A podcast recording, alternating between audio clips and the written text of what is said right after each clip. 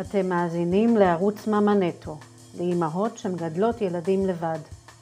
מאמא נטו, נטו אימא, נטו עוצמה, נטו אישה. לעוד תוכן, כלים ומאמרים, www.mamanetto.com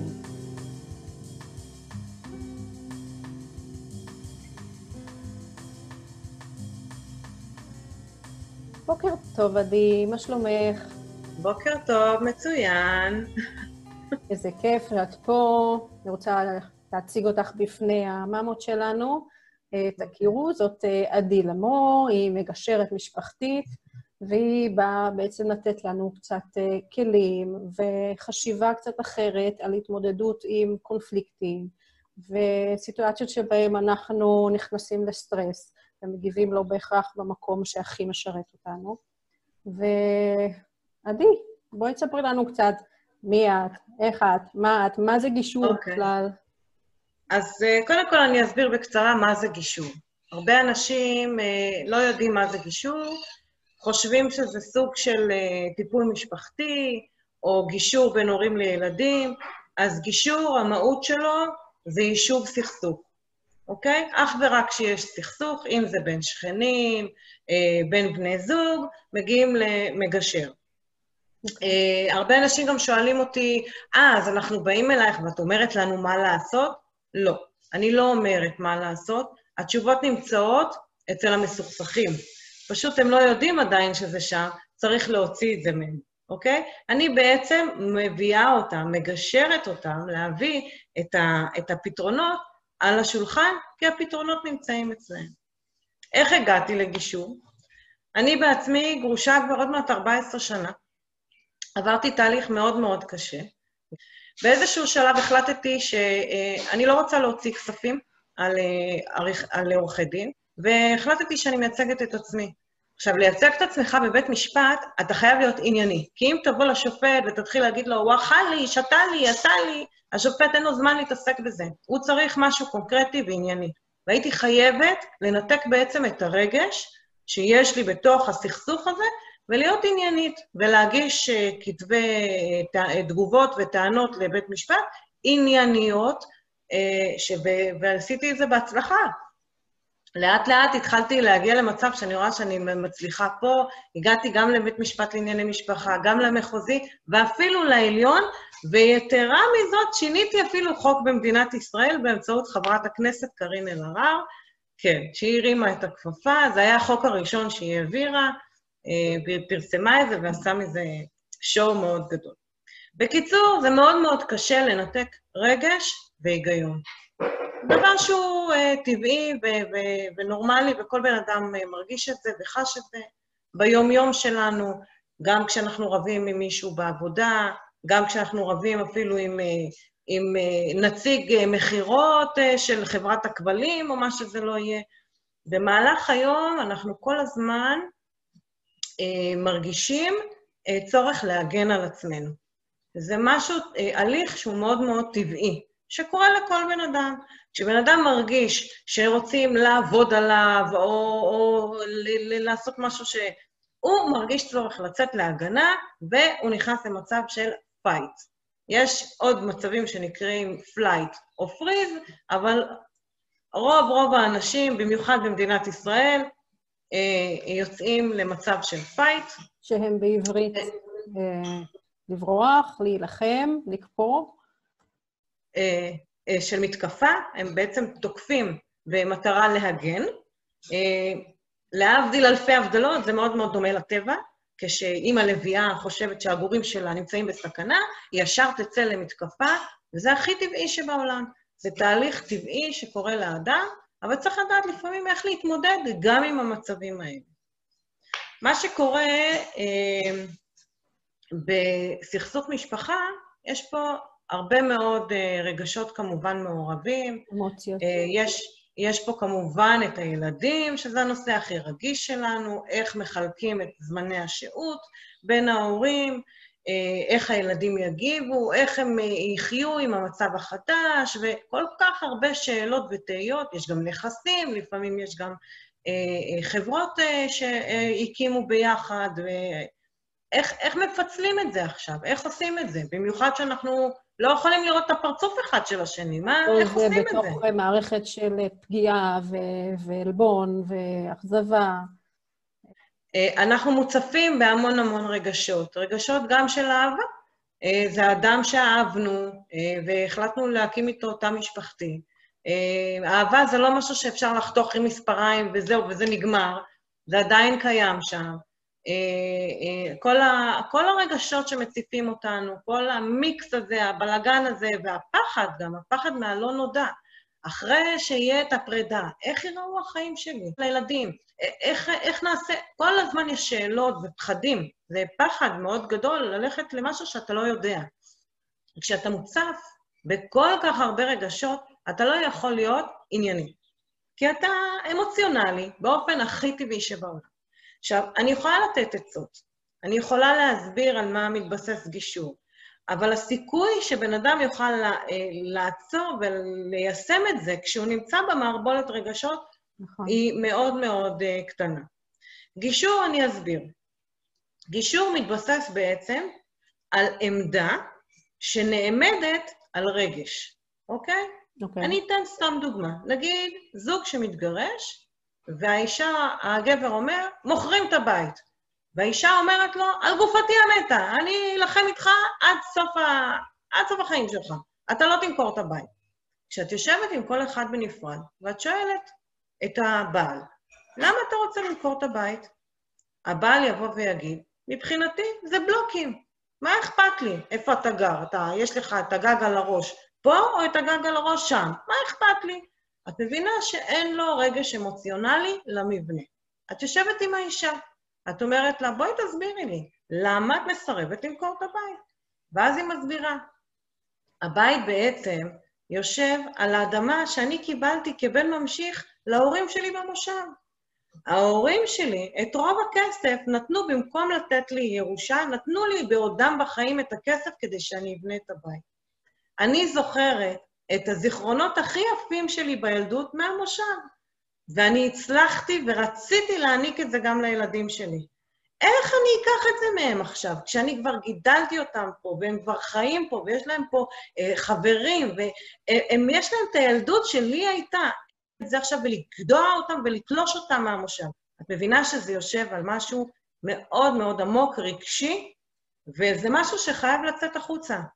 כי אני חושבת שאם הבעל יקשיב לזה וישמע את ה... מתחת ל, ל, לעמדה שלה, שאתה לא תמכור לי את הבית, הוא מבין מאיפה זה מגיע, הוא יוריד את המגננות כי הוא מבין שהיא חושבת גם על טובת הילדים, אני בטוחה שגם הוא רוצה את טובת הילדים, ולפעמים לא רואים את זה. לפעמים אתה אומר, אוקיי, מבחינתי זה סתם בלוק, אבל זה לא רק בלוק למישהו אחר.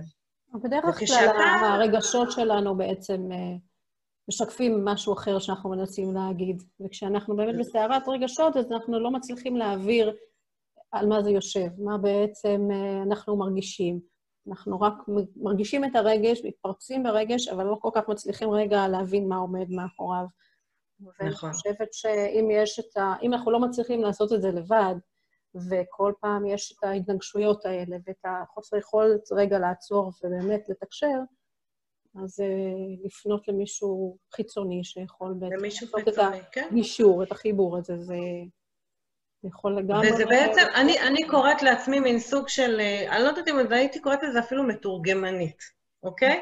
כי את בעצם לוקחת משהו שמישהו אומר, ואת מתרגמת את זה למה שבאמת בעצם עומד ממתחת.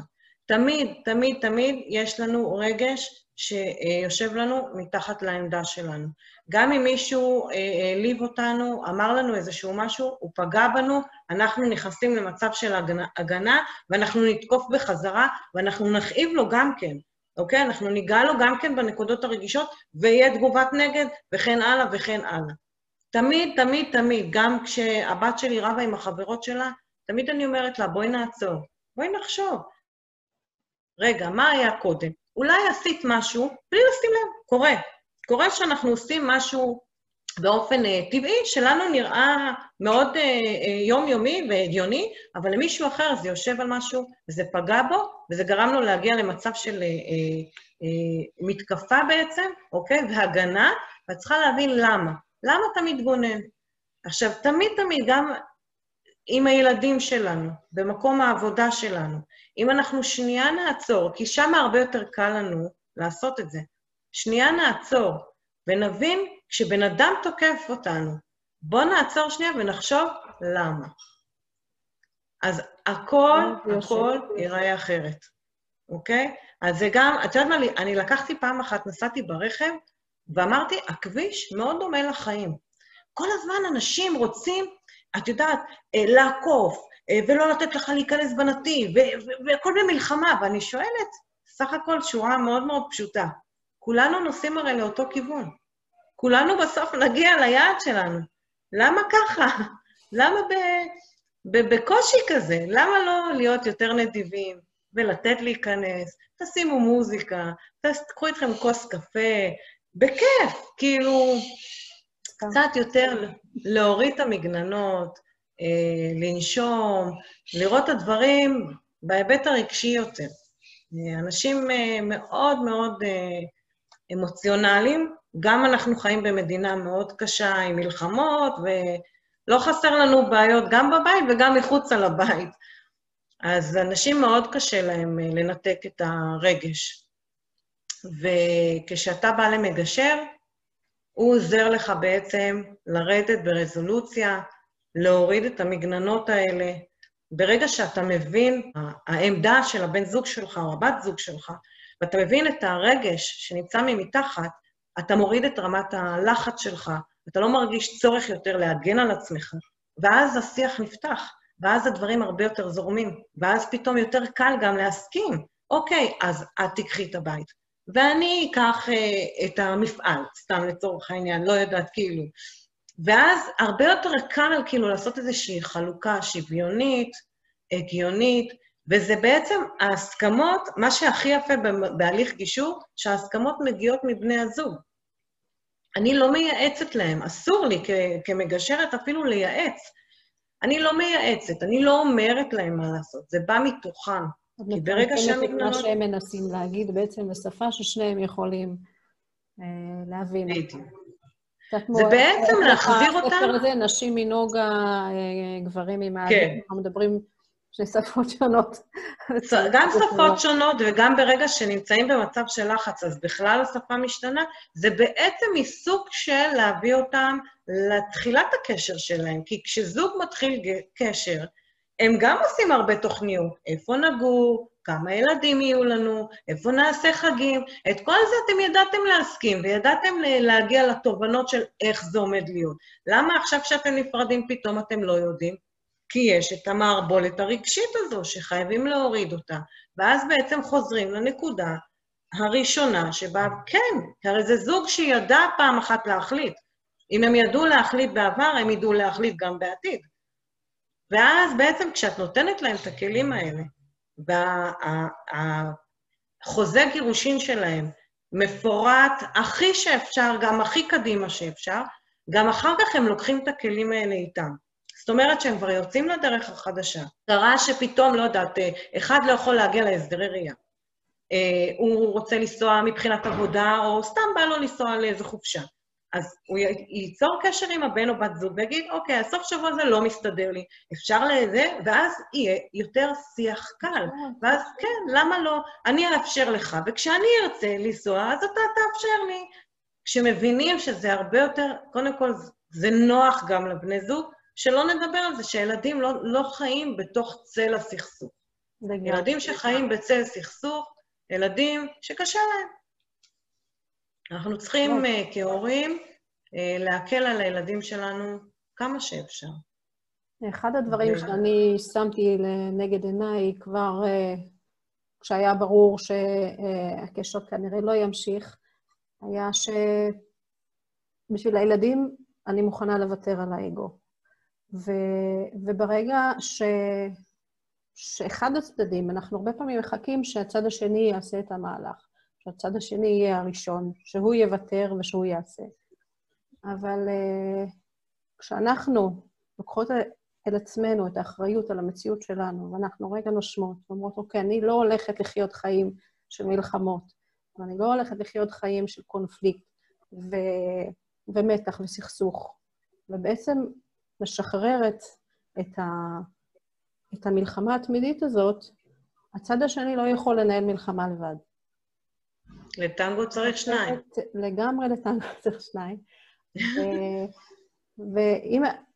ואם את מנסה את זה, ובאמת את עושה את כל מה שאת יכולה, ואת נושמת בתוך הדבר הזה, זה מוריד הרבה פעמים את הסטרס. אבל אם גם זה לא עוזר, אז, אז אני חושבת שבאמת אה, לנסות למצוא איש מקצוע שיכול לנטרל את כל הסטרס הזה, ולצאת לדרך חדשה, לדרך החדשה, אה, ממקום של, של דיאלוג ושיתוף פעולה, ובעצם לתמוך אחד בשני, גם אחרי, גם בפרק שזה נגמר ויוצאים לדרך חדשה, זה לא אומר שזה חייב להיגמר במלחמה. הבנו שזה לא הולך, הבנו שאנחנו מסכימים שביחד זה לא מצליח, זה לא אומר שזה צריך להיגמר רע. זאת אומרת, לגמור את זה טוב, כמו בשיר. כן. את אמרת משהו שאני רוצה לתת לתת לו דגש, שאת אומרת, הבנו שזה נגמר. ברוב המקרים שאי אפשר להגיע לסכסוך, זה כי אחד מבני הזוג לא מבין שזה נגמר, וקשה לו להרפות. ובמצב כזה לא ניתן להגיע לגישור. זה משהו שלא יכול להתקיים. זה מאוד מאוד חשוב לדעת לשחרר. ואני רוצה להגיד משהו מההבנה שלי בחיים. הרבה פעמים אני שומעת נשים באות ואומרות, הוא שיקר לי, הוא אמר שהוא אוהב אותי ועכשיו הוא לא אוהב אותי. הוא לא שיקר לך, הוא אהב אותך אז, והיום כבר לא. זה לא שקר, זה אה, אה, שינוי רגש. כל אחד מאיתנו השתנו לו הרגשות כלפי כמה אנשים, אם לא אחד, וגם בתוך המשפחה, לפעמים את נורא כועסת על אימא שלך, ואת אומרת שאני לא רוצה לדבר איתה, וחודש אני לא רוצה לשמוע ממנה, ופתאום את uh, מורידה את הזה וחוזרת לדבר איתה, וגם אחים רבים, כולם רבים, הורים וילדים רבים, אין זוג שלא רב. אבל, וגם יש אנשים שמשנים את הרגש שלהם, שלפעמים אומרים, מאסתי באיזשהו משהו שהבן אדם הזה גורם לי להרגיש, ואני אה, לא רוצה לחיות איתו יותר, וצריך לדעת לכבד את זה. זה פוגע, זה מעליב, זה דחייה, אבל זה טבעי, זה לא שקר, אה, וצריך לדעת להוריד את המגננות האלה, כי אנשים שלא מוכנים לקבל את הפרידה, אנשים שהם לא יכולים לעבור גישור, הגישור לא יהיה מוצלח, וגם הם ייכנסו לסכסוך מאוד מאוד ארוך. זה מאוד מאוד חשוב לדעת לשחרר כדי לדעת להמשיך הלאה. נכון. זה כואב, אבל זה עובר. אה, לא עלינו, ואני אתן גם דוגמה, אני איבדתי את שני ההורים שלי. זה משהו שאני סוחבת איתי, מוות זה דבר שהוא סופי, אבל אתה לומד לחיות עם הכאב הזה, ואתה ממשיך הלאה, אה, ואנחנו צריכים לדעת להתמודד. אין ברירה אחרת. יש לנו ילדים, אנחנו צריכים להיות הורים ולהוות להם דוגמה טובה אה, ויציבה, מאוד מאוד חשוב. נכון. ושאני מאחלת לכולם באמת בהצלחה. לגמרי, לגמרי בהצלחה, ולגמרי ללמוד, לשחרר, ולדעת שהחיים הם דינמיים, וכמו ש... סליחה על הפיוטיות, העונות משתנות, והשנים עוברים, וגם אנחנו משתנים, וגם האנשים שאיתנו משתנים, וכמו שהילדים משתנים מפעוטות לבוגרים ועוברים את כל התהליכים, גם אנחנו, אנחנו לא נשארים אותו דבר כמו שהיינו לפני חמש, עשר, חמש עשרה שנה. ולפעמים הדינמיקה היא פשוט משתנה, וזה... ואחד מאיתנו יותר מהשני. בוחרים להמשיך הלאה, מותר להתאבל, מותר לבכות, אבל, אבל להמשיך הלאה, כי החיים שווים את זה ויש לנו כל כך הרבה בשביל מה לחיות. נכון, אה, אין סוף, אין סוף אפשרויות, אפשר ללכת ללמוד ואפשר... יש יתרונות וחסרונות לכל דבר. גם אם תיקחי את החופשה הכי חלומית שאת יכולה לתאר ולדמיין אותה, עדיין יש בה חסרונות, כי זה לא הבית שלך, וזה לא המיטה שלך, וזה לא האוכל שאת מורגלת, וכל דבר בחיים יש לו יתרונות וחסרונות. השאלה היא איך אנחנו מסתכלים על הדברים. אה, הייתי שמחה אם כולם היו מסתכלים בזווית קצת יותר חיובית, אה, מורידים קצת את המתקפה והמגננה אה, ונושמים קצת, ואז החיים שלנו, החברתיים בכלל, בחברה הישראלית, היו יותר נעימים. אבל זה גם משהו לשאוף אליו. נכון. ובנימה אופטימית זו, רוצה לאחל לך שבת שלום. שבת שלום. ואני מאוד מקווה שתשתמש בכלים ששמענו, ומי שצריכה, שתדע באמת לפנות למי שיכול לעזור, כי לחיות במלחמות זה, זה לא, זה לא הדרך. זה לא. ואתן מוזמנות כמובן להשאיר הודעות לעדי מתחת לסרטון הזה, או לפנות לעדי ישירות, כמו תמיד. אני אשאיר את הפרטים, ליצור קשר עם עדי אה, מתחת לסרטון. וכמו שאני סוגרת כל סרט, יש אה, כל ראיון. אה, מי שיש לה נושא שמעניין אותה והיא רוצה שאביא אותו לפה, לדיון, לשאול שאלות, באהבה. אז ביי, עדי. ביי, שבת שלום. וביי לדורון המתוקה שברקע. שנעלמה כבר. נעלמה כבר. ואנחנו uh, נשתמר. בהחלט. האזנתם לערוץ מאמא נטו, לאימהות שמגדלות ילדים לבד. מאמא נטו, נטו אימא, נטו עוצמה, נטו אישה. לעוד תוכן, כלים ומאמרים www.mamaneto.com